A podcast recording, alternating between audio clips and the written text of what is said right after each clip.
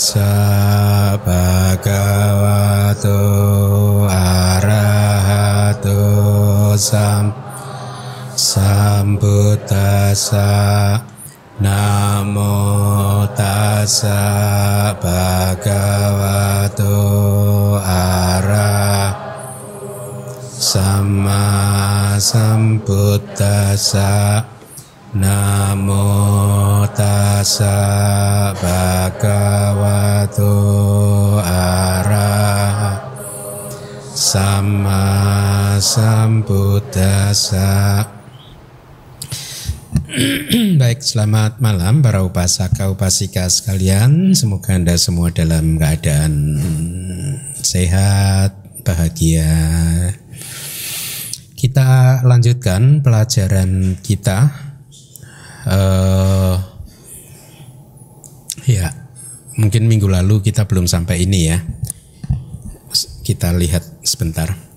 Dana disebut dana ya. Uh, itu definisi saja jadi disebabkan oleh dana maka seseorang memberi gitu ya. Ini cara kitab komentar menjelaskan terminologi tujuannya apa? Semua terminologi kalau di kitab komentar dijelaskan dengan sangat detail, sangat baik. Tujuannya adalah supaya kita tidak keliru uh, memahami terminologi-terminologi tertentu. Jadi dana adalah kehendak kerelaan atau kehendak untuk melepaskan gitu ya sila itu praktek moral ya. Artinya adalah menegakkan atau mengumpulkan dengan benar kama-kama melalui tubuh dan ucapan. Lihat saya italik saya mm, ini uh, supaya anda tahu bahwa kalau anda ber atau mengamalkan sila sesungguhnya anda sedang mempraktekkan kama baik melalui pintu tubuh dan pintu ucapan. Sila tidak ada hubungannya dengan pintu mental atau pintu batin pintu pikir uh, ya uh, batin ya. Kemudian bawana disebabkan olehnya seseorang mengembangkan, mempraktekkan dan menumbuhkan damak-damak yang baik itu apa? Misalkan menumbuh kembangkan panca indria. Panca indria itu adalah lima daya spiritual yang harus dikembangkan secara maksimal dan seimbang yaitu sada, wirya, sati, samadhi dan panya ya. Kalau kelima daya-daya spiritual atau lima indria ini sudah berkembang dengan baik dan seimbang, maka uh, seseorang akan mencapai uh, sama samadhi atau konsentrasi yang benar. Atau dengan bawana seseorang juga e, mengembangkan damak-damak yang baik misalkan tujuh faktor pencerahan ya.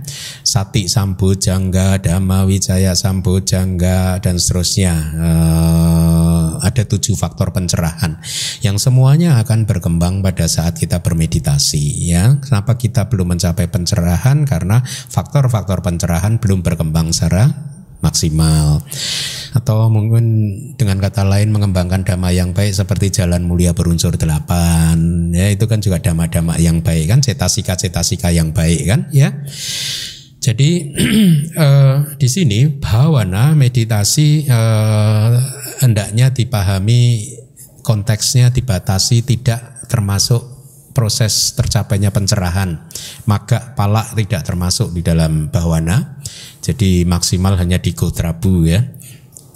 Uh, tapi bawana adalah meditasi atau pengembangan batin yang menuju ke arah pencerahan. Pencerahannya itu sendiri melalui kemunculan maga dan pala itu tidak termasuk di dalam bawana. Ya, uh, bawana juga uh, termasuk di dalam pencapaian jana. Eh, pengembangan batin iya, ya termasuk Oh, bukan. Membawa pada pencapaian jana tidak termasuk di jananya berarti. Sampai di kodrabu saja kok di pergantian silsilah. Baik, itu uh, yang harus Anda pahami. Kemudian kita lihat lagi penghormat. Oh, sorry, sebentar. Hmm. Jadi dana, sila dan bawana ini sesungguhnya adalah rangkuman dari sepuluh e, kebajikan, sepuluh landasan perbuatan baik. Ya kita sudah belajar kan ya sepuluh landasan perbuatan e, baik ya apa saja. Kalau sepuluh itu diringkas akan kita dapatkan dana sila bawana. Biasanya seado seado di Myanmar uh, para dhamakatika itu kalau berceramah selalu menekankan kepada para upasaka upasika untuk mengembangkan dana, sila, bawana, dana, sila, bawana gitu. Ya. Jadi kalau sekarang Anda mendengar saya do mengatakan eh, praktekanlah dana, sila, bawana artinya tidak hanya dana, sila, bawana saja tetapi juga landasan kebajikan yang lain kan ada kan tujuh yang lain yaitu apa misalkan penghormatan ya rasa hormat Artinya dikarenakan oleh penghormatan seseorang melakukan perbuatan yang bersahabat, menghormati orang lain dengan cara berbakti dan memuliakannya. Atau misalkan kayak Anda tadi pada waktu saya masuk ke ruangan ini Anda bangkit dari tempat duduk Anda berdiri kemudian e, beranjali itu termasuk kebajikan. Anda sedang menanam karma baik juga, ya. Jadi e, itu praktek yang baik, ya. Sadarilah bahwa Anda sedang melakukan perbuatan baik, sedang melakukan karma baik. Dengan demikian Anda berdiri beranjalinya itu dengan maha kusala yang nyana sam payuta. Kalau hanya ikut-ikutan temannya aja perbuatan baik nggak? Perbuatan baik tapi nyana wip payuta tidak disertai oleh pengetahuan. Hmm? Atau berdiri sambil aktif membalas WA. Nah, udah. itu nanti karmanya adalah karma dua akar yang inferior. Nanti akan kita belajar. Dua akar pun inferior, enggak yang superior. Buahnya nanti banyak ulatnya. Kira-kira gitu ya. Saya sebenarnya kalau udah sampai di situ agak khawatir membahasnya juga. Karena akan bikin orang stres. Atau bang, tidak hanya bangkit tetapi juga kalau ada sangga atau orang yang pantas dihormati membawa barang yang berat Anda Anda mengulurkan tangan Anda untuk membawa barang-barang tersebut itu juga kebajikan. Itu juga karma baik ya. E, menyediakan tempat duduk kalau beliau belum mempunyai tempat duduk ya. E, jadi hal-hal tersebut bisa dilakukan untuk semua yang lebih tua dari kita yang pantas dihormati, guru-guru kita dan lain sebagainya. Kemudian e, pelayanan kondisi seseorang yang melakukan tugas-tugasnya. Tugas apa? Tugas uh, untuk melayani mereka yang memang pantas untuk dilayani ya. Atau pantas untuk dihormati seperti yang tadi di penghormatan tadi kepada sangga kepada orang atau guru-guru kita dan lain sebagainya. Kalau di teks itu Buddha menganjurkan menasehati seorang biku harus merawat biku lain yang sedang sakit. Itu pun termasuk kebajikan. Pelayanan juga ya. Kalau di sini Anda aktif sebagai pelayanan umat di grup pelayanan umat Anda juga menanam kebajikan.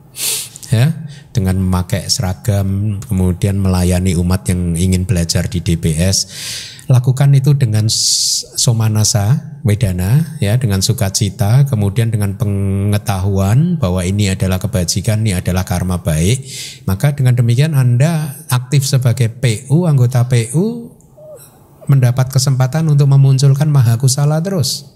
Yang nyana sampayuta terus, mahakusala yang ter berasosiasi terkait dengan pengetahuan ya. Jangan melakukan sesuatu karena ikut-ikutan tadi tanpa pengetahuan ya jadi e, tidak mengerti apa pun ya meskipun itu adalah juga karma baik tapi itu adalah dua akar ya. Atau kalau kita bicara DBS menjadi relawan pabaja itu juga sedang melakukan kebajikan ya. Kalau Anda jadi relawan maka jadilah relawan yang dijadikan relawan adalah mahakusala nyana sampayuta Jangan mahakusala nyana wib Jangan dosa mula cita.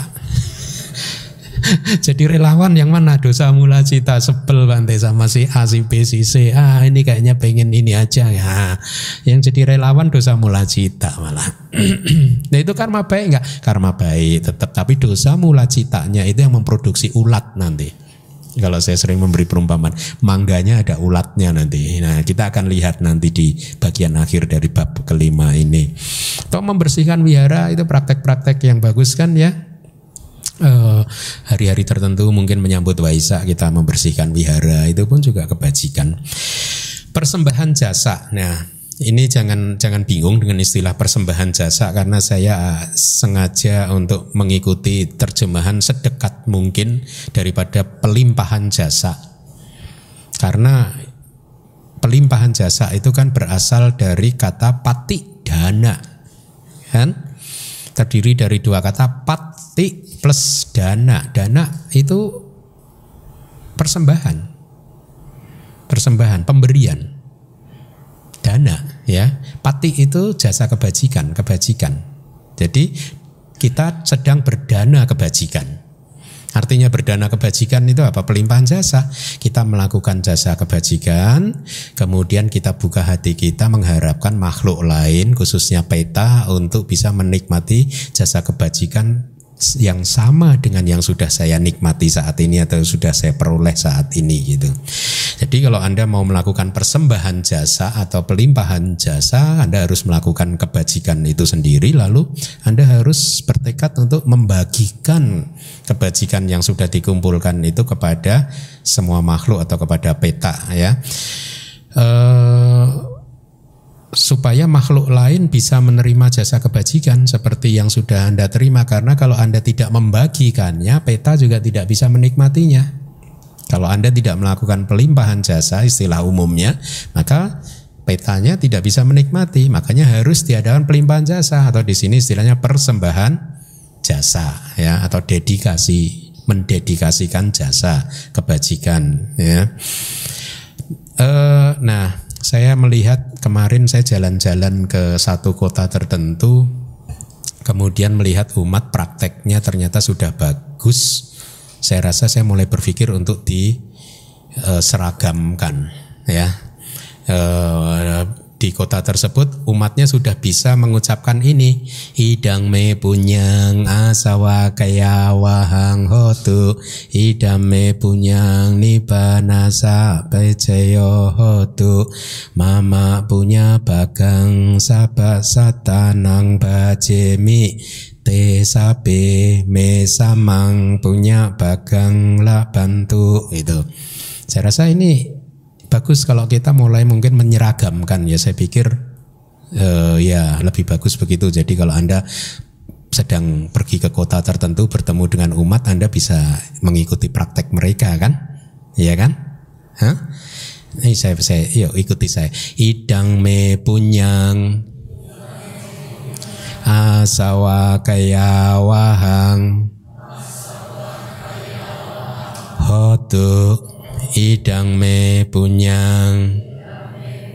Nibanasa pacayo hotu. Mama punya bagang. Sabak satanang. Bajimi tesabe me samang punya bagang. La bantu. Ya saya sudah terjemahkan dan sengaja saya masukkan di slide supaya semua orang nanti bisa membacanya. Semoga idang me punyang asawa kaya wahang hotu. Semoga jasa kebajikan saya ini membawa kehancuran asawa ya. Saya mulai apa akuratkan terjemahannya. Idang me punyang nibana sa pejeyo hotu. Semoga jasa kebajikan saya ini menjadi kondisi untuk pencapaian nibana Mama punya bagang, sahabat satanang bajemi. Saya membagikan bagian kebajikan saya kepada semua makhluk. Te sabe me samang punya bagang lah bantu. Semoga mereka semua mendapatkan bagian kebajikan yang sama dengan saya atau sama denganku.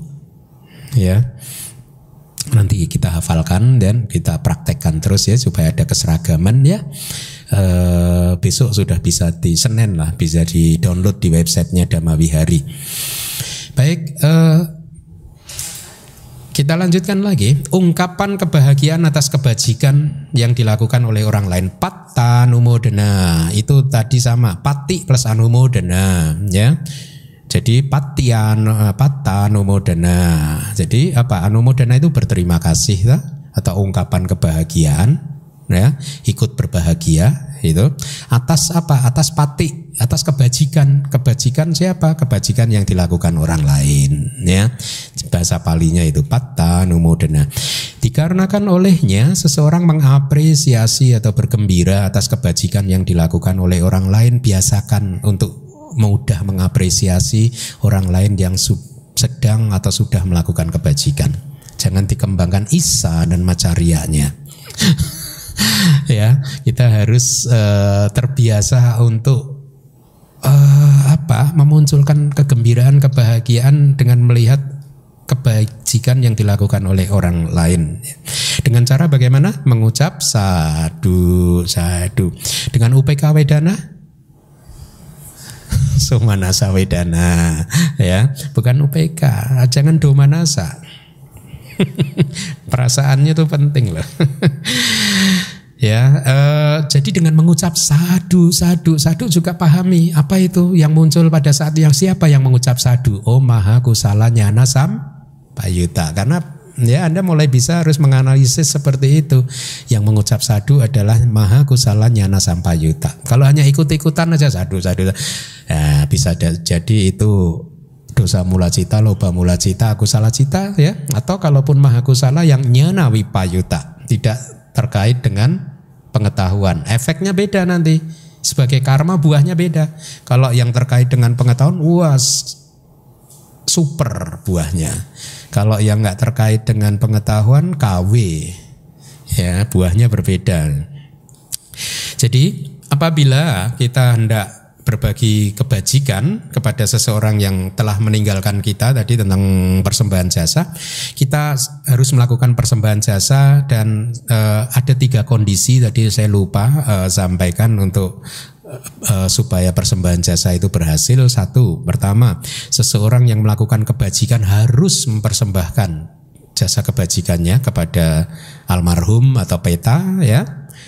Sebenarnya arti peta itu peta seseorang yang uh, makhluk yang telah pergi gitu. Kita sebenarnya memakai istilah itu ya apa ya istilahnya ya? Bukan almarhum almarhumah apa ya? Telah pergi meninggalkan kita. Mendiang. Hah? mendiang ya hmm. Ya, biasanya gitu. Dia telah pergi meninggalkan kita. Nah, pergi meninggalkan kita itu peta itu, ya. arti dari peta itu. Hmm, telah pergi dia. Oh sudah pergi. Ya. Misalkan papa saya sudah pergi tahun 2011 ya, papa saya sudah pergi gitu. Nah itu artinya peta. Tetapi hati-hati ya. Kalau kita bicara 31 alam kehidupan, peta itu khusus. Tapi sesungguhnya arti peta itu adalah seseorang yang telah pergi. Uh, jadi Anda mempersembahkan eh, berbuat kebajikan kemudian mempersembahkan jasa kebajikan kepada almarhum almarhumah mendiang atau mereka yang telah pergi tadi. Kemudian syaratnya mereka harus bisa mengucap sadu. Artinya harus bisa mengapresiasi merasakan bahwa sanak saudaranya sudah melakukan kebajikan. Nah, sadu sadu sadu gitu. Baru berhasil tapi tentu saja ada lagi objek dari kebajikannya juga ada kan? Ya. Objek dari kebajikannya juga Anda juga tertentu kan ada cerita kan yang sudah pernah saya sampaikan seorang istri melakukan pelimpahan jasa sayangnya ketemunya anggota sangga yang silanya kurang bagus gitu tiga kali pelimpahan jasa sah nggak dapat dapat akhirnya petanya menangis itu kan uh, kesejahteraan saya dirampok biku yang silanya jelek saya kalau ingat cerita itu suka saya. Bukan apa-apa karena ya mengejek diri sendiri nanti. Bukan sih, membuat saya harus bertanggung jawab terhadap uh, diri saya dan keberhasilan umat juga. Nah, kemudian yang selanjutnya adalah pembabaran dhamma dikarenakan olehnya seseorang membabarkan dhamma. Pelurusan pandangan adalah membuat lurus pandangan. Pandangan siapa? Orang lain diri sendiri ya. uh, ini kalimat dari Wibawinitika. Kehendak atau cetana atau karma ya. Kalau kita bicara karma kan kita bicara kehendak kan. Kehendak seseorang yang rangkaian yang saya beri miring itu rangkaian batinnya disertai dengan sifat laten anusaya ha? sifat laten. Sa anu saya santana. Bahasa palinya di rangkaian kesadarannya sa anu saya sa itu dengan atau masih memiliki anu saya anu saya itu sifat laten yang mengalir melalui cara kerelaan untuk melepas hartanya yang benar-benar ada dengan harapan untuk menghormati dan mengasihi. Nah, ini bagus nih. Saya beri italik lagi. Kalau Anda berdana, sesungguhnya secara tidak langsung Anda menghormati dan mengasihi objek yang menerima dana Anda. Ya, itu kalimat dari Wibawini itu. Dengan harapan untuk menghormati dan mengasihi orang lain dinamakan dana ya itu definisinya. Jadi karma baik kehendak seseorang yang ini lihat rangkaian batinnya disertai dengan sifat laten. Artinya apa? Aktivitas ini hanya terjadi pada putu jana sota pana sakadagami dan anagami. Karena arahat sudah tidak mempunyai anusaya kilesa sudah tidak mempunyai sifat laten dengan kata lain menurut Abhidhamma malam di sini sifat uh, arahat pada saat berdana dia sudah tidak bisa dikatakan lagi sebagai dana sebagai satu kebajikan. Ya, itulah mengapa kata kalaupun itu dikatakan dana, arahat berdana, dananya tidak akan berbuah. Karena dia sudah menghancurkan akar dari karma, awija dan tanha kan. Ya, jadi dananya tidak lagi menjadi kebajikan. Kalau kebajikan mempunyai potensi untuk berbuah dana yang dilakukan oleh arahat tidak bisa disebut kebajikan karena tidak mempunyai potensi untuk berbuah. Tetapi walaupun begitu ya, kita juga tidak bisa mengatakan berarti aktivitas kalau arahat memberi sesuatu itu bukan berdana. Tidak bisa, masih kita sebut bisa kita sebut berdana juga ya. Cuman Anda harus tahu bahwa berdananya tidak akan bisa membuahkan hasil. Bagus nggak begitu berarti? Hmm? Bagus nggak? Dananya nggak nggak berbuah? Nggak bagus? Oh bagus dong ya. Karena di di di suta yang disebut Dakina Wibangga Suta atau khotbah Buddha tentang eksposisi tentang Dakina yaitu tentang persembahan itu ada, ada kalimat seperti ini. Yo wita ragu wita rage sudah dati. Artinya siapa pun dia yang bebas dari nafsu Memberikan pada mereka yang bebas dari nafsu. Nah itu ada. Jadi ini adalah yo wita ragu wita rage sudah dati ya. Siapa pun dia yang sudah terbebas dari nafsu Memberikan sesuatu pada mereka yang sudah terbebas dari nafsu juga Wita raga Sudah devoid of nafsu Itu julukan lain untuk arahat. Ya. Jadi arahat memberikan sesuatu kepada arahat. Nah, ini menarik. Dana dari arahat yang berdana itu arahat, yang menerima juga arahat. Ya. Saya coba terjemahkan. Yo wita ragu wita ragi dati. Siapa pun dia yang bebas dari nafsu, dadati itu memberikan pada witaragesu pada mereka yang bebas dari nafsu. Danang damena ladang. Nah ini berlaku untuk kita juga bukan hanya arahat yang syak kalimat keduanya. Danang damena ladang artinya apa? Dana yang telah didapatkan dengan cara yang baik sesuai dengan dhamma. Jadi arahat memberikan sesuatu kepada arahat, dananya ini adalah sesuatu yang sudah didapatkan dengan cara yang baik ya. Tentu saja arahat juga pasti mendapatkannya dengan cara yang baik. Supasana cito ini juga berlaku buat kita ya. Hatinya sangat damai, senang dan gembira pada saat sebelum berdana, pada saat berdana dan sesudah berdana. Abi sadahang kama palang ularang beliau meyakini buah kama yang luhur tangwe danang amisa dana nama eh, amisa dana namaga Artinya apa? Dana tersebut sungguh adalah yang terbaik di antara amisa dana. Itu disuta. Jadi pemberian dari arahat kepada arahat itu adalah amisa dana yang terbaik yang ada di muka bumi ini. Dana yang terbaik yang ada di muka bumi ini. Penjelasan di kitab komentarnya mengatakan kenapa? jenis dana ini dikatakan sebagai dana yang terbaik karena bawa layasa bawa padanaya akbawato akbawato itu non existent tidak adanya atau karena tidak adanya pengharapan untuk eksistensi dan tidak adanya nafsu kelahiran kembali. Ya ini ciri dari arahat kan sudah bebas dari kilesa kan karena arahat tidak mempunyai pengharapan untuk terlahir kembali dan juga tidak mempunyai nafsu eh, apa pun itu termasuk nafsu kelahiran kembali ya eh, makanya dana dari arahat kepada arahat itu dikatakan sebagai dana yang terbaik gitu. Karena kenapa? Di kitab komentar juga menjelaskan bahkan karena dana mereka tidak akan berbuah. Nah, jadi kalau Anda ingin berdana yang terbaik, harapkan dana yang nggak berbuah. mau nggak? Iya, kalau jadi arahat mau Anda. Kalau belum ya jangan dong. Harus berbuah dong. Terus ada lagi di kitab komentarnya nih. Kina sawena kata kamang panak ni candara kata salang wa aku salang wa hoti. Artinya kama yang dilakukan oleh kama yang dilakukan oleh seseorang yang asawanya telah hancur. Asawa itu adalah noda batin ya uh, intoksikan ya. Asawa itu istilah teknis nanti di bab ke-8 atau 9 kita belajar. Itu adalah kilesa yang seperti nanah.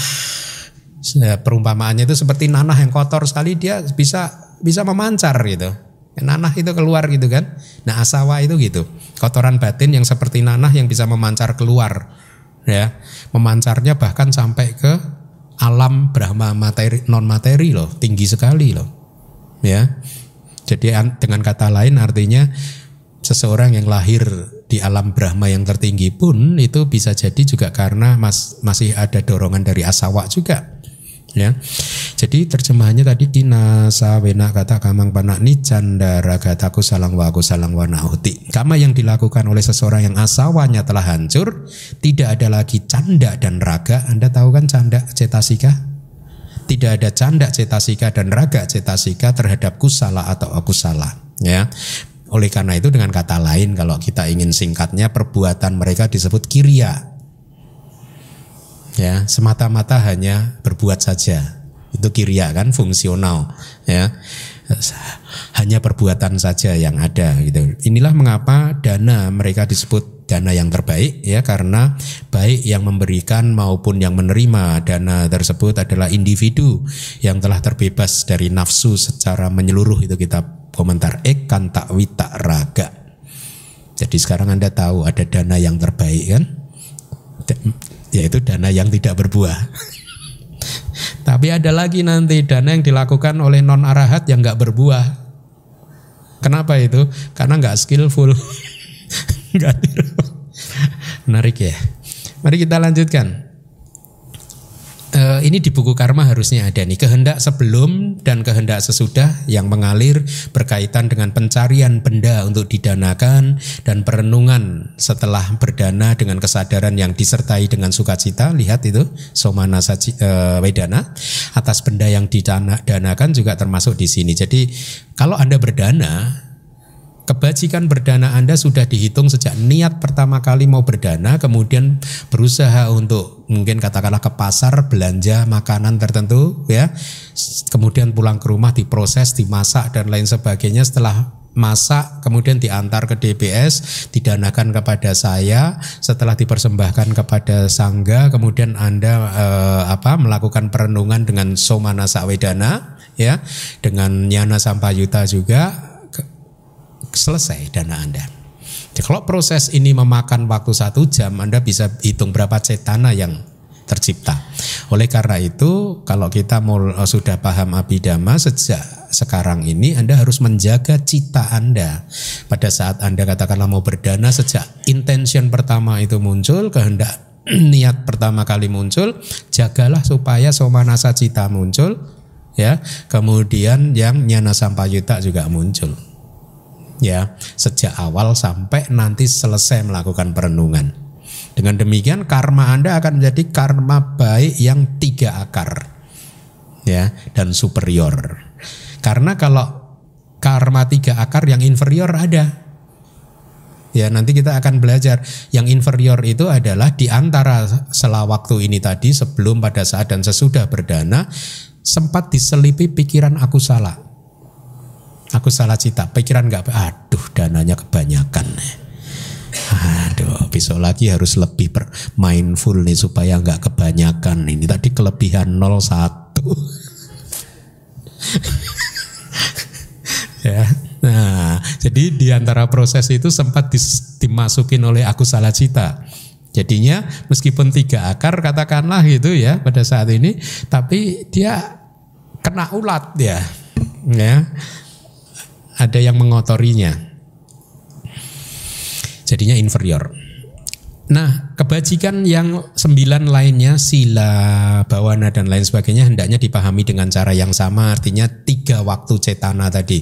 Sebelum melakukan kebajikan, pada saat melakukan kebajikan, dan sesudah melakukan kebajikan itu dihitung semua sebagai satu karma yang mempunyai kesamaan identitas. Kita di kelas hari Minggu sudah belajar ya.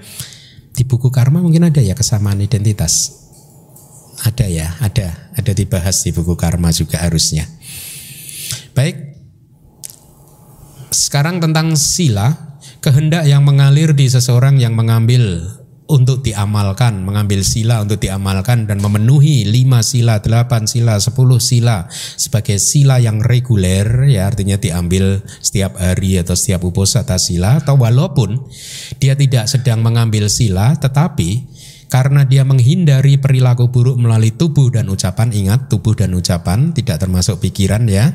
Ketika menemui kesempatan untuk melanggarnya. Jadi ada kesempatan untuk berbohong tapi Anda menahan diri untuk tidak berbohong. Itu yang dimaksud. Atau untuk seseorang yang meninggalkan kehidupan rumah tangga yang ditahbiskan di bangunan untuk umpat sampadar yang menjadi biku atau bikuni, mengamalkan pengendalian diri untuk memenuhi empat sila kemurnian dinamakan sila. Artinya empat sila itu sila untuk biku itu ada empat. Patimoka Sangwara Sila, Patimoka itu yang 227, Indria Sangwara Sila yaitu sila untuk mengendalikan indria-indria kita ya kemudian pacaya sanisita sila selalu merenungkan pemakaian empat kebutuhan pokok ya memakai jubah makanan dan lain sebagainya. Kemudian apa eh, yang ketiga adalah ajiwa parisudi sila. Penghidupan harus benar ya. Biku itu juga ada penghidupan benarnya loh Jangan dianggap biku nggak punya penghidupan benar. Penghidupan benarnya kayak apa kalau biku? Ya misalkan biku dengan kalimat memutar ingin sesuatu gitu supaya umatnya berdana. Nah, itu nggak boleh loh. Hah? Atau menjadi peramal supaya umatnya berdana. Nggak boleh juga. Dilarang gitu. Ya. Jadi kalau melanggar itu berarti penghidupannya tidak murni. Itu sila. Kemudian bawana kehendak hingga kepergan pergantian silsilah gotrabu lihat itu. Yang belum mencapai absorpsi jana dan mengalir atau jana ini kan ada logia dan lokutera kan ya. Dan mengalir dalam bentuk penguasaan persiapan berkaitan dengan 40 subjek meditasi. Oh berarti ini tentang samata 40 subjek meditasi dan tingkatan-tingkatan agregat dan lain-lain. Nah ini harusnya vipassana. Dinamakan bawana jadi bawana atau pengembangan batin itu adalah kehendak atau cetana atau karma yang muncul dari mulai pertama berlatih meditasi hingga munculnya pergantian silsilah atau gutrabu. Jadi artinya belum sampai mencapai jana dengan mode apa objek meditasi salah satu dari empat subjek meditasi dan tingkatan-tingkatan agregat dan lain-lain artinya belum sampai mencapai akhir dari wipasana kemunculan maga dan pala. Kehendak yang berkaitan dengan mempelajari pengetahuan dan lain-lain yang tanpa celah juga termasuk di sini. Bawana juga. Pengetahuan dan lain-lain yang tanpa celah itu apa? Mungkin kalau dunia sekarang harusnya kalau yang eh, sebagai apa? Tanpa celah, Anda profesi Anda misalkan dokter ya juga mungkin itu pengembangan batin juga.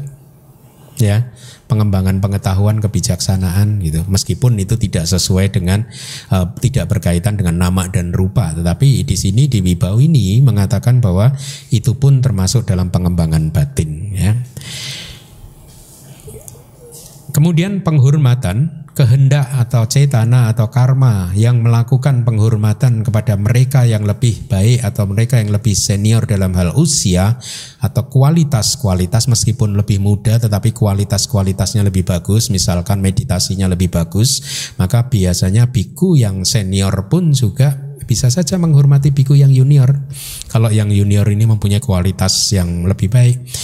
Dengan berbagai cara seperti bangkit dari tempat duduk, bertekad memberikan tempat duduk dan lain-lain dengan niat yang tidak ternoda artinya tulus dan bebas dari pengharapan untuk mendapatkan imbalan seperti jubah dan lain-lain. Itu disebut penghormatan. Ya, siapa yang melakukan penghormatan? Kehendak, lihat tuh, cetana, bukan Anda. Ya cetana Anda yang melakukan penghormatan.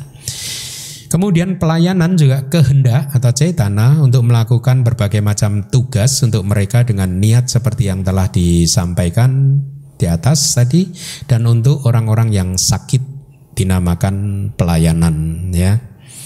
Bahasa palinya Anda pengen tahu? Itu saya beri bold wea waca ya. Wea waca. Kalau tadi penghormatan apa? Apa cayana? Apa cayana? Kalau ini weya waca. Persembahan jasa atau pati dana adalah kehendak yang mengharapkan kebajikan yang muncul di rangkaian batin dirinya menjadi milik bersama dengan orang lain. Tadi seperti tradisi Myanmar tadi kan kalimat terakhirnya tadi tesabe me samang punya bagang lak bantu t sabe t itu mereka sabe itu semua lak bantu itu mendapatkan.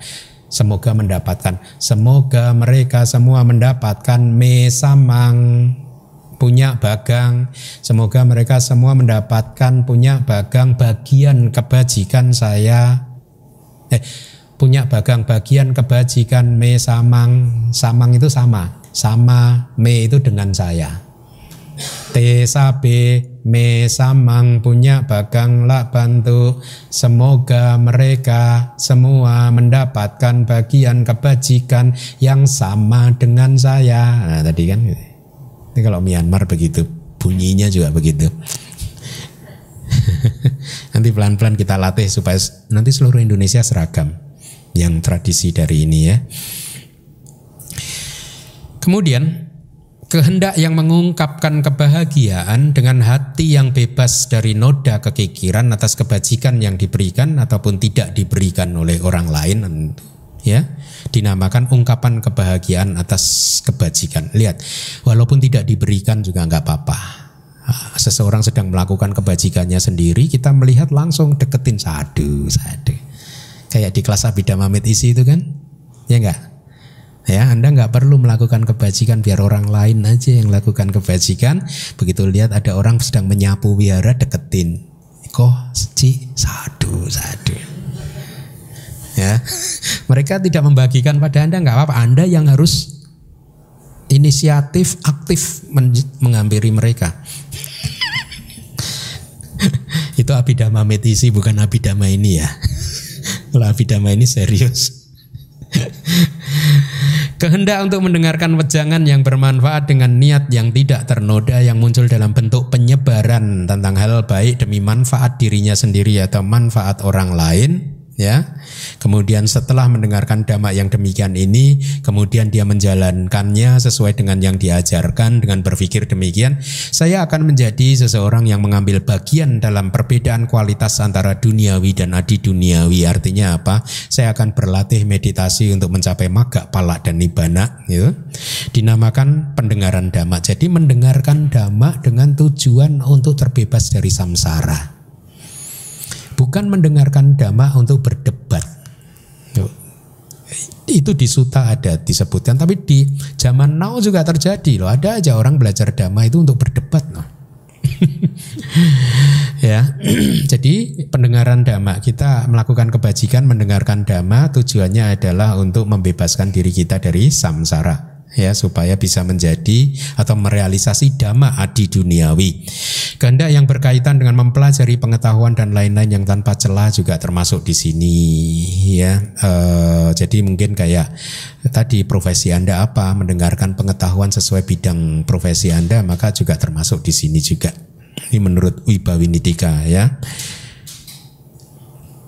Kemudian kehendak untuk memberikan wejangan atau ceramah yang bermanfaat oleh seseorang yang menempatkan batin dengan bijaksana dengan tiadanya pengharapan untuk mendapatkan keuntungan, penghormatan dan lain-lain dinamakan pembabaran dhamma. Ya. Kehendak untuk memberikan wejangan yang berkaitan dengan pengetahuan yang tidak tercela juga termasuk di sini artinya pengetahuan sesuai profesi Anda ya kayak dosen mengajarkan uh, ilmu sesuai dengan fakultasnya ya itu juga termasuk di sini. Membuat lurus pandangan dengan cara melihat dengan benar yang mengalir dalam bentuk pemikiran oh ada buah dari yang didanakan dan lain-lain sebenarnya seharusnya. Dinamakan usaha untuk meluruskan pandangan. Meluruskan pandangan supaya pemahaman kita tentang hukum karma itu lurus kokoh itu meluruskan pandangan ya. Bahwa segala sesuatu muncul karena hubungan sebab dan akibat. Ini harus lurus. Kalau kita lurus maka kita mulai akan secara pelan-pelan mulai berkurang kebiasaan menyalahkan orang lain. Ya dengan demikian hidup akan jadi damai Apabila demikian, apakah sifat perbuatan kebajikan yang berupa usaha untuk meluruskan pandangan muncul di kesadaran yang tidak berasosiasi dengan kebijaksanaan? Nyana Wipayuta tidak didapat? Bukannya tidak didapat jawabannya, karena kehendak sebelum dan sesudahnya juga termasuk di dalam setiap perbuatan kebajikan tadi kan. Anda mau meluruskan pandangan katakanlah ya kan harusnya itu nyana sampayuta kan? Tetapi di dalam perjalanannya satu menit Anda sempat lupa dengan kebijaksanaan ya. E, sehingga yang muncul adalah mahakusala nyana wipayuta itu pun juga termasuk sebagai kebajikan yang disebut e, apa meluruskan pandangan. Itu yang dimaksud. Kemudian sudah barang tentu pada saat meluruskan pandangan apa pun yang ada hanyalah kesadaran yang berasosiasi dengan pengetahuan akan tetapi di bagian sebelum dan sesudahnya yang tidak berasosiasi dengan pengetahuan bisa muncul seperti yang tadi saya katakan. Oleh karena itulah sifat perbuatan meluruskan pandangan muncul untuk kesadaran nyanawi payuta juga yang tidak berasosiasi dengan pengetahuan Selanjutnya di antara sepuluh persembah di antara sepuluh kebajikan, persembahan jasa dan ungkapan kebajikan atas kebajikan yang dilakukan oleh orang lain termasuk di dalam dana. Jadi kalau kita klasifikasikan sepuluh kebajikan menjadi tiga kelompok besar, dana, sila dan bawana, maka dana itu menyangkut men, tidak hanya dana tetapi apa apa dua yang lain yaitu persembahan jasa atau pelimpahan jasa itu juga berdana. Anda melakukan pelimpahan jasa, persembahan jasa itu juga berdana. Atau yang lain adalah mengucap sadu, itu juga berdana. Jadi pati dana itu berdana, patanumo dana itu juga berdana, dana itu sendiri juga berdana. Jadi ada tiga. Sila ada berapa sekarang? Oh, kenapa dua tadi juga dikatakan sebagai dana? Karena alasannya karakteristik alamiahnya sama, ya. Apa itu karakteristik alamiah yang sama? Karena dana berlawanan dengan kecemburuan dan kekikiran dan mereka pun juga artinya apa? Persembahan jasa dan ungkapan kebahagiaan juga berlawanan dengan kecemburuan dan kekikiran. Paham? Kalau Anda uh, cemburu artinya cemburu ya di, di buku cetasika ini kan cemburu ya istilahnya ya kecemburuan ya Hah? Hah? Nah, ini harusnya iri hati makanya saya kok kok kecemburuan ya saya nerjemahinnya ya hmm? agak beda loh Nah, harusnya iri hati dan kekikiran. Saya baca bahasa palinya ime supanada pati dana numedana dane sanggahang kacantitang sabawati danampi isa macera. Nah, ya kan? Isa macaria. Iri hati beda dengan kecemburuan. Beda. Kalau Anda, kalau seseorang masih mempunyai iri hati, maka dia nggak bisa mengucap sadu. Oh, dia ini kalau di depan bantai aja nyapu wihara. Nah, sorry ya sadu ya. Nah, ya enggak? Nah, dia sedang sedang apa cari nama gitu. Makanya dia disayang sama Bante. Ah, iri hati kan. Jadi disebut dikelompokkan dalam kelompok dana karena kesamaan karakteristik alamiahnya bebas dari Isa dan Macaria.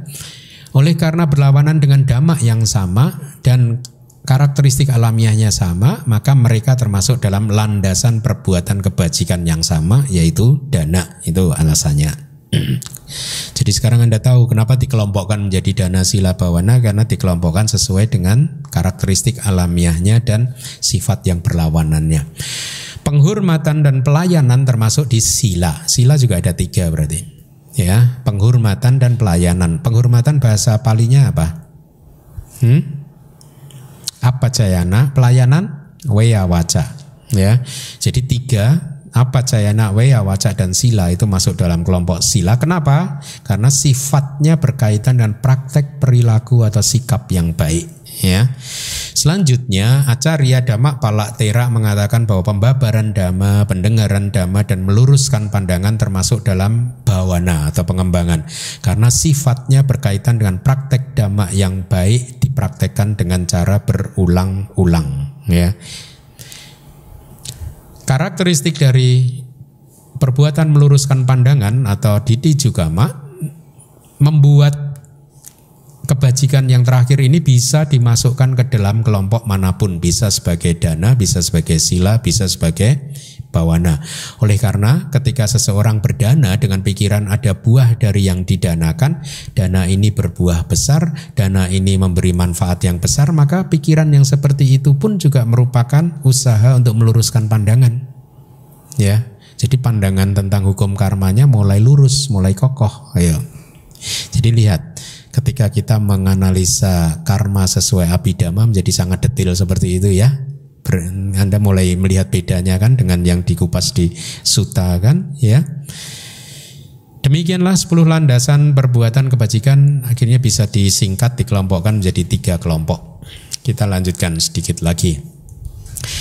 E, silahkan dibaca yang kuning.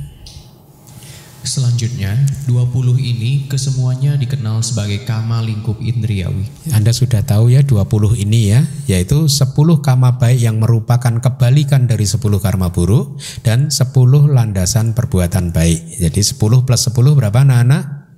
Ya, pinter. Selanjutnya.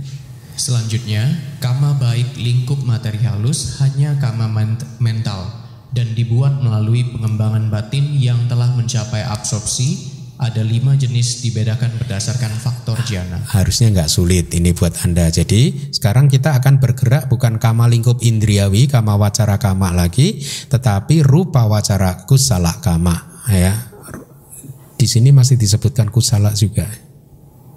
Harusnya rupa wacara semua kusala kan? Tapi di palinya rupa wacara kusala. Jadi kama baik lingkup materi halus itu hanya mano kama, kama mental. Tidak ada kaya kama atau kama yang melalui pintu tubuh dan waci kama, kama yang melalui pintu ucapan. Ya, jadi hanya kama mental. Kenapa? Karena hanya bisa dibuat melalui meditasi yang telah mencapai jana. Jadi jana rupa wacara Jana 1, 2, 3, 4, 5 itulah yang disebut rupa wacara kusala kama. Ada lima jenis dengan demikian sesuai dengan tingkatan jana atau berdasarkan faktor jananya. Jadi nggak sulit ya. Selanjutnya Demikian juga kama baik lingkup non materi hanya merupakan kama mental. Itu pun juga dibuat melalui pengembangan batin yang telah mencapai absorpsi ada empat jenis dibedakan berdasarkan objeknya. Ya, Anda harus hati-hati. Keduanya ini harus yang sudah dalam posisi mencapai absorpsi jana, ya, bukan sebelumnya. Kalau sebelumnya hanya kama wacara kusala kama bawana, mm -hmm. ya, tapi begitu mencapai jana, dia sudah rupa wacara kama atau arupa wacara kama. Di arupa wacara kusala kama dibedakan menjadi empat sesuai objeknya. Kita udah belajar di bab satu, Anda sudah pinter kalau untuk ini ya. Kita lihat sebentar. Dibedakan berdasarkan objek, yaitu dengan membedakan berdasar empat objek di arupa jana, yaitu ruang angkasa dan seterusnya. kita bisa lewati. Kita lanjutkan lagi. Sekarang, kama buruk kecuali kebingungan melahirkan penyambung kelahiran kembali di bumi tiada kebahagiaan. Akan tetapi, di sepanjang kehidupan keseluruhan dari 12 jenis kesadaran yang tidak baik, berbuah tujuh resultan tidak baik, di mana pun di alam indriawi atau alam materi harus halus sesuai dengan yang semestinya. Ini kita baru nih kenal abidama ini sekarang. Lihat, beda kan cara mengupas karmanya dengan suta? Hah? Beda nggak? Makanya di Atak Salini ada kan kalimat apa itu? Abidamiko biku, seorang biku. Nah, nanti jadi nggak enak saya ngomong ini. Nggak artinya yang paham abidama akan bisa menguraikan dengan lebih detail. Mulai mulai tahu kan kebenaran kalimat-kalimat itu kan, ya. Bahwa yang paham abidama akan bisa melihat sesuatu dengan lebih detail lagi. Fraksi-fraksi kecilnya akan terlihat gitu. Momen-momen ininya akan terlihat gitu. Kita kita cerna, saya kita Anda cerna pelan-pelan kalimat yang berwarna kuning. Sekarang artinya kita akan masuk ke materi yang baru. Kama buruk kita sudah belajar kama buruk ada berapa? Sepuluh, eh? kama buruk. Sepuluh karma buruk. Memang melalui 12 aku salah cita kan? Ya, yang melakukan itu adalah 12 aku salah cita. Tetapi di sini ada pengecualian, kecuali kesadaran yang uh, udah cak saya kata, yang disertai dengan kebingungan. Di Mohamula Cita ada satu udah cak saya kata kan? Ya, melahirkan Pati sandi cita di bumi tiada kebahagiaan. Nah, Anda mulai tahu sekarang. Berarti dari 12 aku salah cita, hanya 11 aku salah cita yang mempunyai kekuatan untuk memunculkan pati sandi di bumi apa ya? Apa ya bumi? Kebingungan udah cak tidak. Nanti kita akan kupas lagi ya. Udah cak saya kata tidak mempunyai kekuatan untuk memunculkan pati sandi di apa ya? Nah sekarang Anda boleh memilih. Wah, Seandainya boleh memilih ya. Dari 12 aku salah itu isinya udah cak sahagata semua. Gitu enak ya. Bebas dari apa ya? Gak apa-apa ya. 120 aku salah cita juga gak apa-apa Asal udah cak semua gitu. Jadi pintu apa ya tertutup ya jadi 11 aku salah cita, Anda pegang dulu itu ya. Akan tetapi di sepanjang kehidupan, Anda sudah paham bahasa palinya apa sepanjang kehidupan? Pawati ya, pawati di sepanjang kehidupan. Keseluruhan dari 12 jenis kesadaran tidak baik, aku salah cita mempunyai kekuatan untuk membuahkan hasil buah. Buahnya apa? Kalau di suta kita bicara buah, oh mahadana anaknya ini ini ini buahnya kan. Sekarang abidama beda lagi. Buahnya apa? Buahnya adalah tujuh resultan tanpa akar yang tidak baik. Tujuh resultan tidak baik. Nah, ada mulai mulai mulai mengikuti pola pikir abidama sekarang. Jadi ternyata buah kama itu hanyalah tujuh buah kama buruk itu hanyalah tujuh resultan yang tidak baik. Ahituka aku salah wip hmm? nggak pakai ah itu kak. Ya di, dis, disalahkan saya sekarang. Sadu saya nggak nggak nggak bagus dong. Ada dua yang menyalahkan saya. Satu Hartono.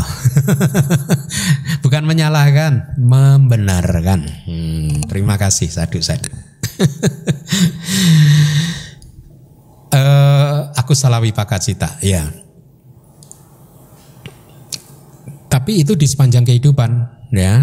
Eh, perhatikan lagi kalimat yang terakhir di alam mana pun di alam lingkup indriawi atau alam materi halus sesuai dengan yang semestinya. Artinya ya buah kama yang mana yang masuk itu yang berbuah. Pertanyaan saya kenapa alam non materi tidak termasuk? Brahma tanpa jasmani kok tidak dimasukkan di sini? Hmm?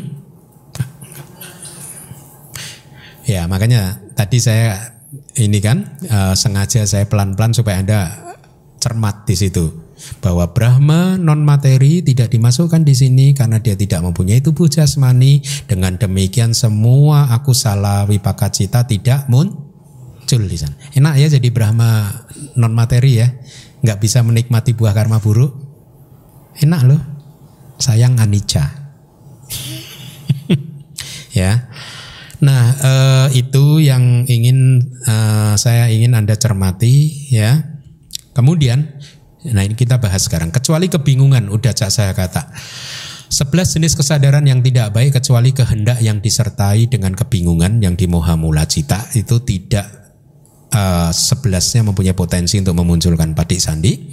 Bahkan kesadaran yang disertai dengan keraguan wicikica cita walaupun merupakan kesadaran yang paling lemah artinya udah cak kata cita itu sebenarnya lebih kuat dari wicikica cita.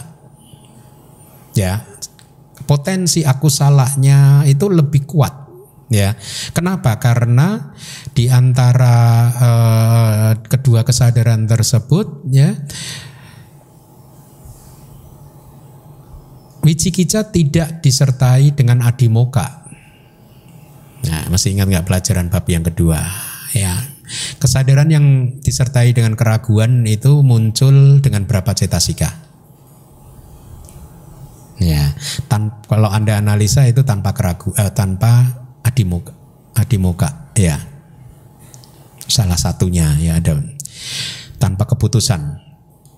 Ya, tetapi walaupun demikian, walaupun dia kesadarannya lebih lemah dari udaca, Wicikica cita pun menarik pati sandi, artinya mempunyai potensi untuk memunculkan kesadaran kelahiran kembali pati sandi. Ah, salah saya. Kalau dalam konteks ini patik sandi, bukan patik sandi cita. Ya. Patik sandi itu berarti tidak hanya patik sandi cita, artinya patik sandi itu gabungan dari tiga dhamma. Patik sandi cita, cetasika yang muncul bersama patik sandi cita itu dan rupa kelapa, tiga rupa kelapa. Ya. Lalu apa alasan kesadaran yang disertai dengan kebingungan yang sesungguhnya lebih kuat dari keraguan karena berasosiasi dengan keputusan tidak menarik pati sandi? Tidak memunculkan pati sandi. Alasannya adalah karena tiadanya kapasitas intrinsik alamiah ya sebawa untuk memberikan pati sandi. Hal ini karena investigasi ini tentang kama yang kuat menarik dan yang lemah tidak menarik. Artinya kama yang kuat eh, apa memproduksi padi sandi dan yang lemah tidak memproduksi padi sandi itu sesungguhnya hanya relevan di dalam kama yang mempunyai kapasitas intrinsik untuk memberikan padi sandi. Jadi dengan kata lain, udaca sahagata cita itu tidak mempunyai sifat alamiah atau kualitas intrinsik atau sebawa untuk menghasilkan padi sandi. Makanya walaupun lebih kuat tapi karena dia sebawanya tidak ada untuk menghasilkan pati sandi, maka dia tetap tidak menghasilkan pati sandi, tidak menghasilkan kesadaran penyambung kelahiran kembali. Akan tetapi ketika kapasitas intrinsik atau sebuah walakana untuk memberikan pati sandi tidak ada, maka kama tersebut tidak menjadi sebab untuk menarik pati sandi. Ini ini penjelasan untuk udaca. Jawabannya adalah karena udaca saya kata cita tidak mempunyai kapasitas intrinsik untuk memproduksi atau menarik pati sandi ya. Meskipun lebih kuat. Uh, Wicikica uh, sorry. Ya meskipun Udaca lebih kuat dari Wicikica tapi tidak relevan untuk dijadikan argumen dalam konteks ini gitu. Lalu bagaimana tidak adanya kapasitas intrinsik kesadaran yang disertai dengan kebingungan untuk memberikan pati sandi? Hendaknya dipahami Maksudnya apa itu? Gitu kira-kira begitu ya. Karena kebingungan bukan termasuk dhamma yang ditanggalkan oleh pandangan. Ini ini harus saya jelaskan. Dasanena pahataba. E, terminologinya saya jelaskan. Pahataba itu meninggalkan, harus ditinggalkan. Ya misalkan kalau kita bicara empat kebenaran mulia itu Eh, kebenaran mulia yang kedua itu harus ditinggalkan. Sebenarnya harus ditinggalkan itu mempunyai arti benar-benar dihancurkan dan dia tidak bisa muncul lagi. Bukan masih punya tanha tapi saya udah nggak nggak mau melekati tanha saya tinggalkan bukan.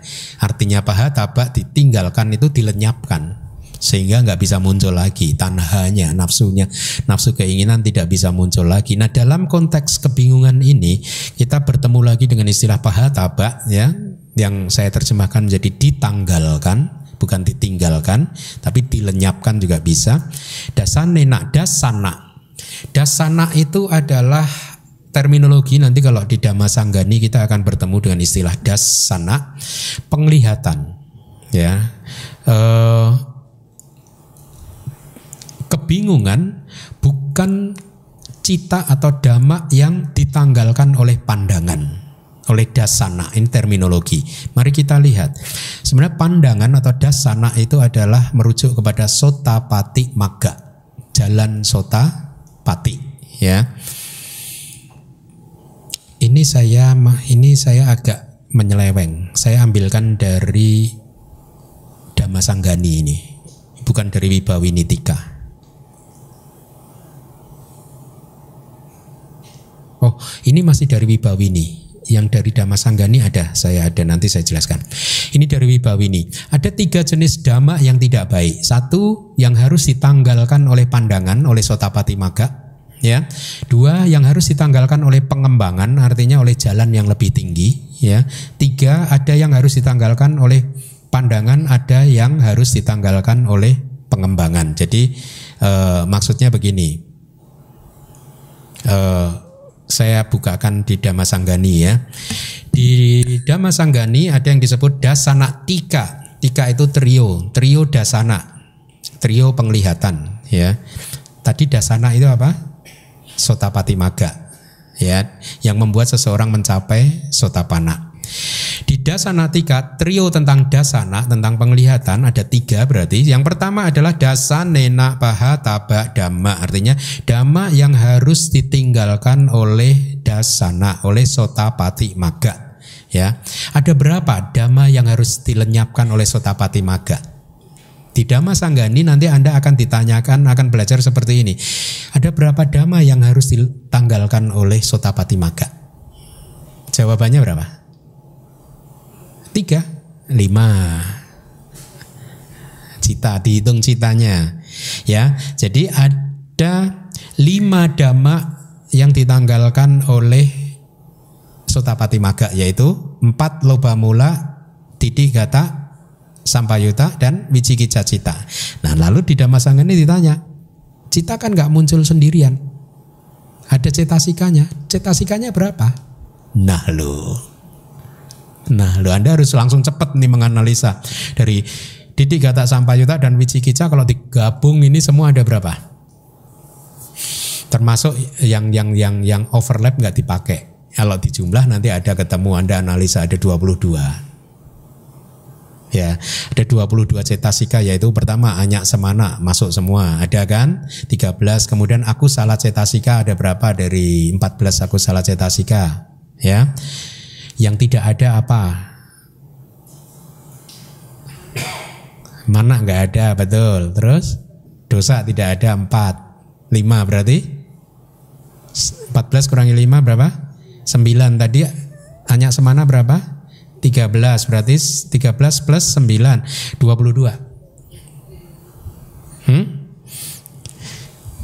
Itu Dhamma Sanggani nanti gitu. Makanya saya bilang kalau Anda menguasai Abhidhamma tak sanggaha, Dhamma Sanggani itu piece of cake. mudah, mudah. Memahami Dhamma Sanggani nanti akan mudah. Tapi syaratnya Abhidhamma tak sanggaha Anda hafal. Ya. Jadi lima dhamma tadi dan 22 cetasika itu hancur oleh Sotapati Maga. Ya. Kemudian Dhamma yang ditanggalkan oleh uh, Sotapati hmm? Kemudian juga di dalam Dhamma Sanggani ada ini Dhamma yang ditanggalkan sebagian oleh Sotapati Maga. Kalau tadi dilenyapkan semuanya total. Terus ini ada lagi yang hanya sebagian saja dilenyapkan. Yaitu berapa? Tadi kan yang dilenyapkan total 5 kan? Berarti dari 5, 12 eh, aku salah masih berapa? Hmm? 7. Ya. Berarti Eh,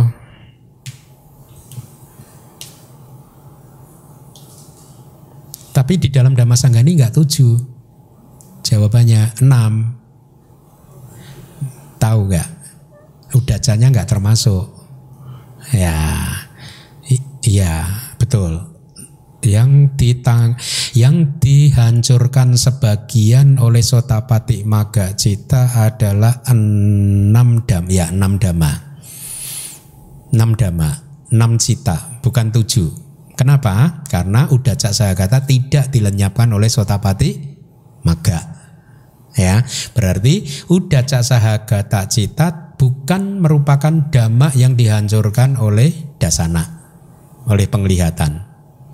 Ya, dengan alasan inilah maka Udaca Sahagata Cita tidak mempunyai inilah mengapa tidak mempunyai potensi untuk membuat seseorang lahir di apaya. Ya, karena seorang sotapana kan sudah tidak mungkin lagi lahir di apaya kan? Ya kan? Padahal sotapana tidak menghancurkan udaca sama sekali loh. Memoles pun juga enggak loh. Ya, hanya enam dhamma yang lain yang dihancurkan sebagian. Enam dhamma yang lain yang dihancurkan sebagian itu apa? Loba mula cita didik kata wipayuta empat, dua dosa mula cita.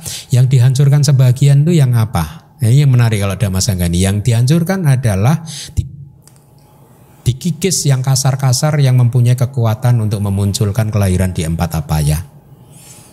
Sehingga loba mula didik kata wipayuta yang muncul di rangkaian arus kesadaran sotapana dan dosa mula cita yang masih muncul di rangkaian arus sotapana tidak cukup kuat untuk membuat sotapana lahir ke 4A Kayak kenapa? Karena enam dhamma ini tadi, enam kesadaran ini tadi yang kasar-kasar sudah dikikis oleh sotapati maga. Ya, itu dhamma sanggani. Ya. Kemudian yang kedua adalah dhamma yang dilenyapkan atau ditanggalkan. Bawanaya pahatabak dhamma. Artinya dhamma yang dilenyapkan oleh bawana. Pengembangan jalan yang lebih tinggi itu artinya ya. Berapa dhamma yang dihancurkan oleh jalan yang lebih tinggi? Hmm, sampai anagami. Nah, Anda analisa sakadagami yang dihancurkan oleh sakadagami apa? Tidak ada, hanya dikikis lagi, lebih lembut lagi. Sehingga kemarahannya sakadagami dan kemarahannya sotapana lebih kasar mana? Lebih kasar sotapana. Pasti sama-sama bisa marah kan? Kemarahan sotapana dan pudujana kasar mana? Ya pudujana yang lain kalau saya enggak Bante. ya, jadi begitu. Ada enam dhamma yang dihancurkan oleh sakada, ah, bukan, dihancurkan sebagian istilahnya, dilemahkan ya, oleh sakadagami maga, yaitu didik kata wipayuta dan dua dosa mula cita. Kemudian ada berapa dhamma yang dihancurkan oleh anagami maga? Hmm? Yang dihancurkan oleh jalan anagami ada berapa? Uh, kira-kira boleh nggak kalau saya jawab sendiri aja pertanyaan saya? Hah? Dengan senang hati. Berapa? Dua dosa mula cita. Terus?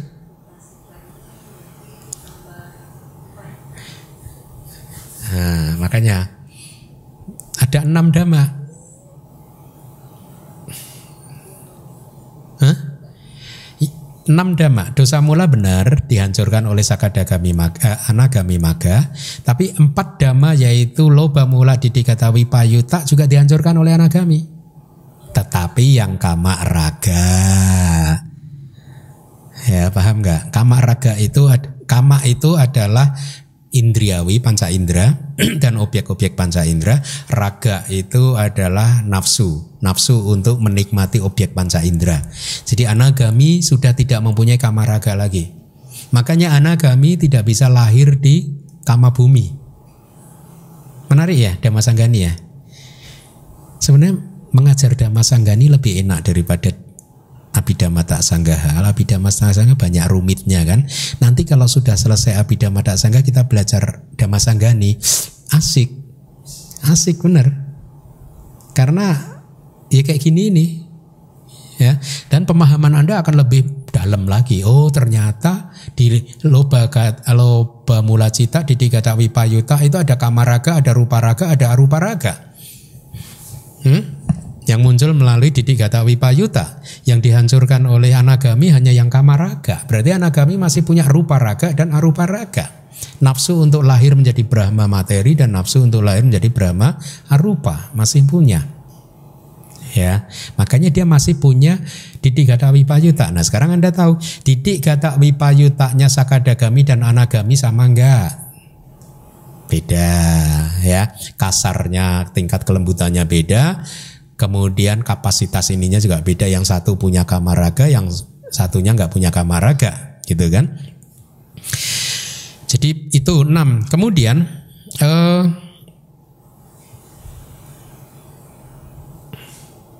Yang ketiga adalah dhamma yang tidak ditanggalkan, tidak dihancurkan oleh sotapati maga, tapi juga tidak dihancurkan oleh tiga jalan yang lebih tinggi. Apa? hmm? Dhamma yang tidak dihancurkan oleh sotapati maga atau dengan kata lain dhamma apa yang tidak dihancurkan oleh empat jalan? Hmm? 21 kusala cita tidak dihancurkan kan?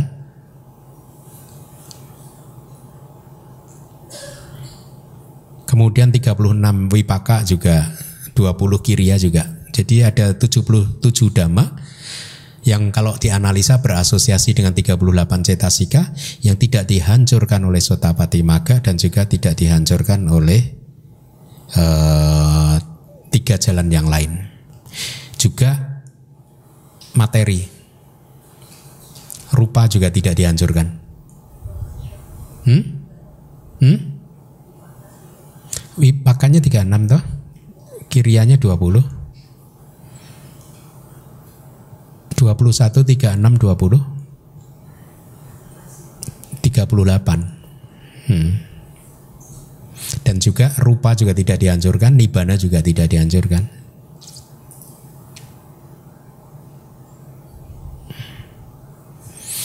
Ya itulah begitulah Abhidhamma Pitaka. Semakin Anda masuk ke kitab-kitab, semakin Anda akan dibawa masuk lebih dalam, lebih dalam, lebih dalam gitu.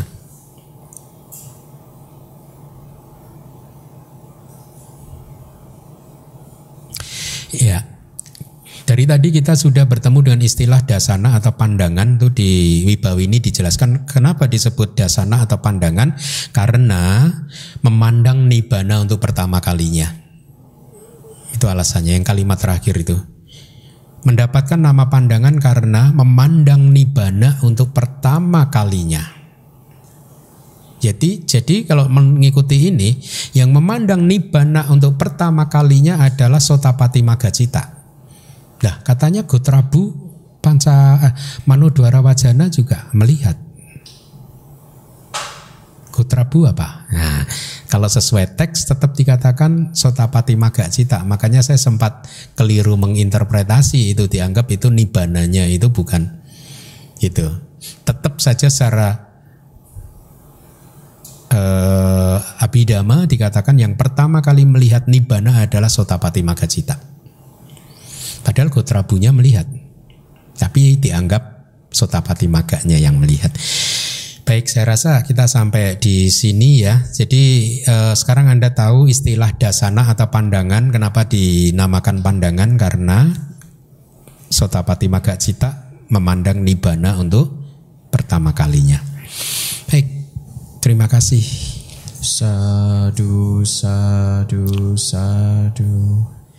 Madami Bante, hmm. Bante Aling mau tanya yang tadi kan eh, yang tidak dihancurkan empat jalan berarti termasuk arahata maga itu termasuk 21 kusala. Tapi kan untuk seorang arahat itu kan sudah melampaui kusala juga. Iya, makanya di, tetap disebut tidak dihancurkan. Uh, hanya dilewati sudah tidak bisa muncul lagi ya. Jadi istilah pahataba itu dia menghancurkan. Kayak misalkan batu dihancurkan gitu. hanya melampaui gitu jadi oke terus Bante oh, tanya yang tadi tentang yang eh, tiga waktu. Kan eh, kalau begitu ada cetana kehendak untuk mau berdana itu kan udah dihitung sampai selesai persembahan. Nah kalau misalnya eh, kita eh, cetananya ini malam kemudian kan kita tidur dan sebagainya kan kita tidak bisa menjaga kan Oh, kondisi teksnya begini, sejak kehendak itu muncul kemudian menyiapkan item untuk didanakan, kayaknya gitu ya. Coba dilihat lagi teksnya. Di teks keberapa? Mari kita lihat lagi. Ini kehendak sebelum dan sesudah yang mengalir berkaitan dengan pencarian benda untuk didanakan dan perenungan dengan kesadaran yang disertai. Kalau mencarinya malam terus tidur ya. Gimana gitu ya? Hmm. Harusnya kalau tidur nggak dimasukkan sih, karena tidur itu cita yang yang yang muncul pada saat kita tidur meskipun di- tetap dikatakan sebagai kama, tapi kamanya itu lemah sekali, harusnya tidak termasuk sih. Harusnya tidak termasuk sih. Tidak mempengaruhi, tidak memunculkan ulat harusnya sih. Kama yang muncul di pada saat kita tidur itu sedemikian lemahnya sehingga dikatakan efeknya paling kalau kita eh, bermimpi tentang sesuatu yang tidak baik kemudian begitu bangun kita berkeringat masih deg-degan nah gitu-gitu ya gitu selebihnya nggak ada lagi efeknya makanya jangan terlalu takut sama mimpi Hmm? Sampai menghantu ya sama mimpi mana? Ah, lah enggak lah gitu ya. Berarti kalau misalnya berdananya berupa eh, misalnya transfer gitu, terus kita berencananya oh, nanti setelah gajian gitu baru transfer, apakah dari niat di situ sampai ke situnya sejauh itu? Hmm, misalkan gajiannya tanggal 10 niatnya udah tanggal 1 itu ya. Ya misalnya lah, Bang. Harusnya sih enggak sih, tetap di- dihitung sejak tanggal 10 itu waktu mau transfer ya. Sudah mau transfer gitu ya. Mengikuti pola ini tadi. Pencarian benda untuk didanakan tadi. Sudah mencari kayak ke pasarnya kalau guru saya dulu memberi contoh. Kita mau dana makanan sejak ke pasar untuk mengumpulkan bahan makanan, pulang ke rumah dimasak. Nah, itu udah dihitung terus gitu. Kalau tadi dana dengan transfer kan pas hari gajiannya itu ya. Kan ke bank Nah, kalau pas mulai ke bank atau buka anu langsung somanasa lah. Ya lumayan lah berarti. Habis lumayan ya.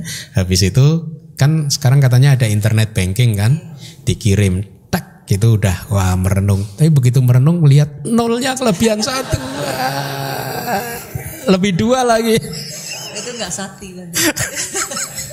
langsung ulet. Aku salah cita muncul langsung dosa mula cita. Gitu. Makasih, Bang. Ya. Eh, selamat malam Bante. Eh, ini yang pertama saya mau menanyakan. Tadi kan dikatakan kalau hmm, bentar ya Bante ya. Kalau berdana tanpa pengetahuan Bante ya. Berbeda dengan berdana dengan pengetahuan. Jadi kalau misalnya kita berdana, kita tahu itu bagus, bukankah itu kebajikan? Tapi kalau kita berdana tanpa tahu eh, karena kasih aja kita tidak tahu itu baik gitu Mantelo. Misalnya kita lihat pengemis kan kita nggak tahu kalau kita berdana kita eh, berarti bisa mendapat dana tapi kan karena ya udah kasih aja gitu Mantelo. Itu kan parami Bante. Jadi kenapa dikatakan berdana tanpa pengetahuan itu hmm, Tanpa pengetahuan itu maksudnya tidak memahami hukum karma. ini kan kalau saya berdana ke pengemis kan saya tidak tahu maksudnya kalau yang nggak tahu Bante ya kalau saya sih tahu Ya nggak apa-apa. Maksudnya, nah ini saya kasih aja, tapi dia nggak tahu kalau itu dia lagi menanam karma baik loh, bisa berbuah, Itu- tapi dia nggak peduli gitu kasih. Itu Kan sebagai- itu. Ya sebagai parami dia akan mengkondisikan dia untuk mencapai pencerahan dia nanti karena dia sudah mulai tidak diskriminatif dan lain sebagainya tidak ada eh, kemelekatan, pelekatan dan lain sebagainya. Jadi Walaupun tetap baik. Walaupun dia nggak kena hukum karma loh Bante loh. Ngerti loh.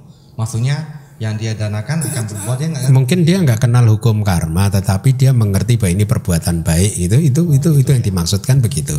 Oh, Ya kita mengerti bahwa ini perbuatan baik yang baik untuk dilakukan itu ya konteksnya itu begitu. Terus Bante saya mau tanya.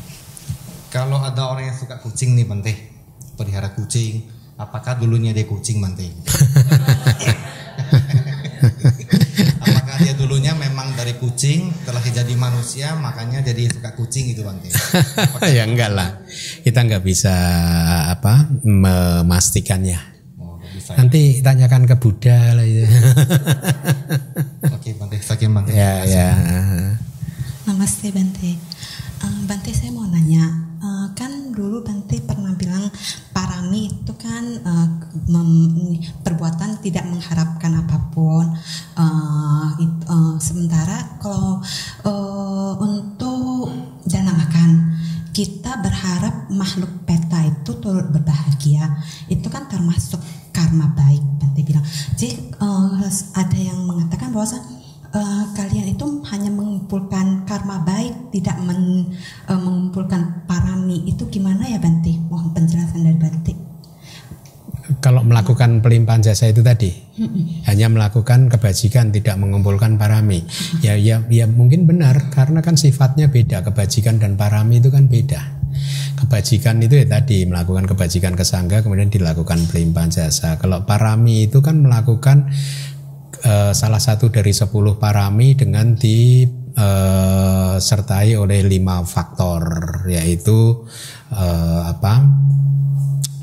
terbebas dari tiga papan dama, nafsu keinginan, kemudian kesombongan dan pandangan salah, kemudian juga harus dengan didorong dengan belas kasih dan dengan cara-cara yang baik, upayanya itu baik gitu. Ya. Jadi kalau misalkan dana parami, yaitu ya tadi kayak Pak Budiman tadi ketemu pengemis langsung diberi. Nah, itu dana parami gitu ya kemudian misalkan nanti gini Pak Budiman saya tambahin dana parami bukan hanya pengemis loh kalau misalkan sebelah ini sebelah teman ya nah misalkan mau minta duit katakanlah 1 M harus dikasih itu dana parami loh itu?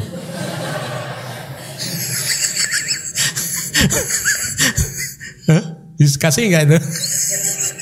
belum, belum, belum sampai Bante. Hah? Enggak, enggak misal. Enggak, contoh aja kok makanya. Contoh saja tadi. Kira-kira begitu dana parami itu sudah tidak ada kemelekatan lagi. Kayak bodhisatta, bodhisatta diminta anggota ta- tubuhnya dikasih gitu. Itu parami kan. Bahkan waktu lahir yang terakhir itu jadi Wesantara itu anak istrinya diminta dikasih. Ya, itu parami seperti itu tidak ada kemelekatan, pelekatan ya tanda kesombongan, pandangan salah, terus penuh belas kasih dan dengan cara yang baik itu parami. Ya memang begitu beda.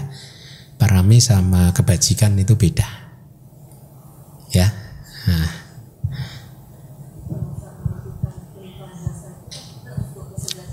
Kebajikan kan. Hmm? Kalau kita pelimpahan jasa tapi eh, persembahan jasa tapi kita tetap maksudnya untuk maaf Bante, kesejahteraan eh, makhluk Itu masuknya di kebajikan loh, bukan parami itu. Hmm. Kebajikan. Tidak termasuk di parami. Jadi bedanya begitu ya berarti maksudnya benar-benar dibedakan ini kebajikan ini parami nggak bisa misalnya kita melakukan para eh, Oh, kebajikan saling saling bersinggungan. Semakin orang terampil di dalam parami, maka melakukan kebajikan semakin terampil gitu sih konteksnya begitu. kalau Ya. kami melakukan misalnya kita melakukan kebajikan apakah itu tidak bisa menambah ke Parami. Ke- Teksnya nggak ada kalimatnya. Teksnya nggak ada kalimat pendukungnya. Kalau melakukan kebajikan, maka itu memperkuat parami. Nggak ada referensinya loh kayaknya.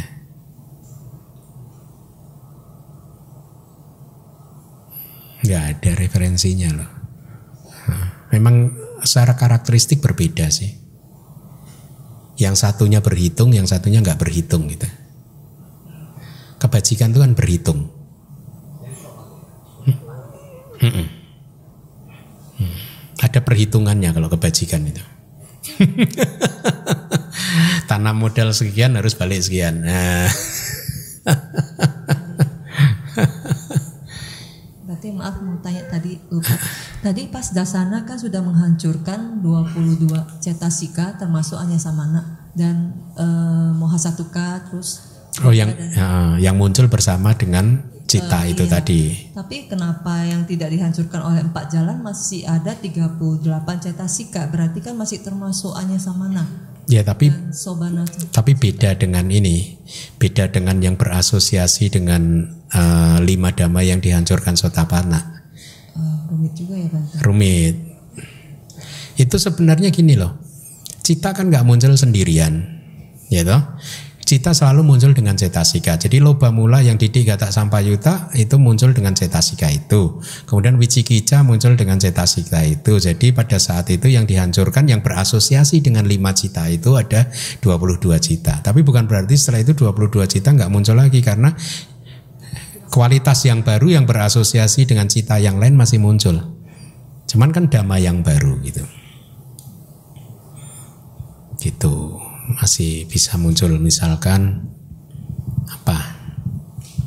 Anyasamana kan yang Masih muncul lagi. Hmm. cita sadarananya. Tapi kan fenomena yang baru. Oh saat itu aja kali ya saat menghan- eh, menghan- magangnya menghancurkan Karena kalau begitu gini, kalau, itu. kalau dikatakan kita menghancurkan eh, apa eh, didik gata sampayuta kan kita menghancurkan cetasika yang muncul pada saat itu juga. Tetapi ada juga yang benar-benar dihancurkan seperti yang tadi eh, Anagami, dosa. Iti dan Wicikica. Oh ya, ya. Atau, atau dosa dosa cetasika, Iya. grup dosa itu yang dihancurkan oleh jalan anagami gitu ya, ya. Oke. Tapi sebenarnya Dhammasanggani itu harusnya menarik sih, Ngasih ban. mudah. Selamat malam Bante. Eh, kalau misalnya kebajikan yang kita lakukan tuh, saya selang setahun gitu, kita terikat tuh, oh eh, misalnya berdana nih, terus setahun lagi tiba tiba teringat gitu, wah kayak tahun lalu dananya kegedean gitu, saya dananya Sudah nggak dihitung. nggak dihitung ya. Nah tapi itu termasuk aku salah cita juga kan? Tidak mempengaruhi dana yang sudah di, selesai dilakukan. Kalau sel- eh, setelah direnungkan itu kan sudah tertanam. Tapi itu adalah aku salah cita yang akan menyuburkan timbunan benih karma buruk untuk muncul dan berbuah. Eh, terus kalau kita mau mengumpulkan, mengumpulkan parami itu, eh, kita perundungannya mesti ada perundungan atau gimana Bante? eh iya ya, mungkin sebaiknya iya ya. Tapi di dalam gini, kita coba lihat karir bodhisatta. Pada saat bodhisatta sebagai pertapa Sumeda bertemu dengan Buddha di Pangkara pada saat itu hari itu dia sebenarnya bisa menjadi arahat tetapi beliau menunda pencapaian arahatnya karena semata-mata ingin menjadi seperti Buddha yang bisa menolong banyak makhluk kan? Jadi tekad itu ada kan? Tetapi sesungguhnya di sepanjang karir bodhisatanya beliau sering lupa loh dengan tekad itu. Pada saat dia memenuhi parami-paraminya itu dia udah lupa dengan tekad-tekadnya itu eh, sering lupanya juga. Tetapi memang kalau di teks itu dikatakan oh pada saat sudah berikrar untuk mencapai kebudaan setelah Buddha berdana kepada Buddha di Pangkara itu beliau kemudian merenungkan kualitas apa yang harus dikembangkan supaya bisa menjadi Buddha akhirnya ketemu dasa parami 30 akhirnya. Tidak hanya 10 tapi 10 parami dalam tiga level gitu kan 30 parami. Dan sejak hari itu dia berlatih mengembangkan 30 parami. Tetapi bukan berarti di empat asangkaya 100 ribu kalpa itu beliau ingat terus juga enggak sih. Kadang juga lupa. Berarti kita mesti ada perundungan juga. tetapi karena dia paraminya sudah bagus kecenderungannya itu dia mulai terampil dana sila nekama panya wirya kanti eh, kemudian apa saca eh, adidana, meta dan UPK mulai terampil semacam menjadi sifat beliau akhirnya. Itu itu itu itu salah satu salah satu efek dari parami yang nyata itu membentuk kecenderungan kita juga sih. Kebajikan sebenarnya juga kebajikan juga membentuk kecenderungan. Ya, maksudnya kalau pas dia berbuat kebajikan udah ya, Direnungkan dia- tidak. Dia cuma mau berbuat dia tidak memikirkan yang lain-lain lagi gitu Bante.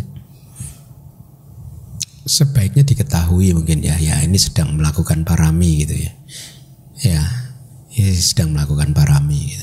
kalau anda mau berdana tanpa perhitungan tanpa berhitung buahnya bagus atau enggak renungkan aja itu parami gitu ya Makasih Bante.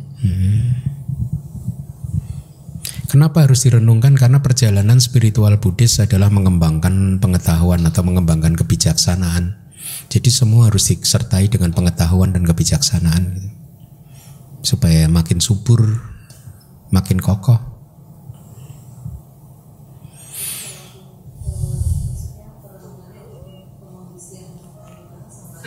Sama aja sih, nggak apa-apa sih. Eh, nggak apa-apa sih. Kebajikan ya, kebajikan ya. Hmm. Cukup diketahui aja ini parami. Gitu. Inilah parami kayak gini nih. Membantu tanpa pilih kasih, membantu tanpa memikirkan hasil, hanya memberi saja. Nah itulah parami.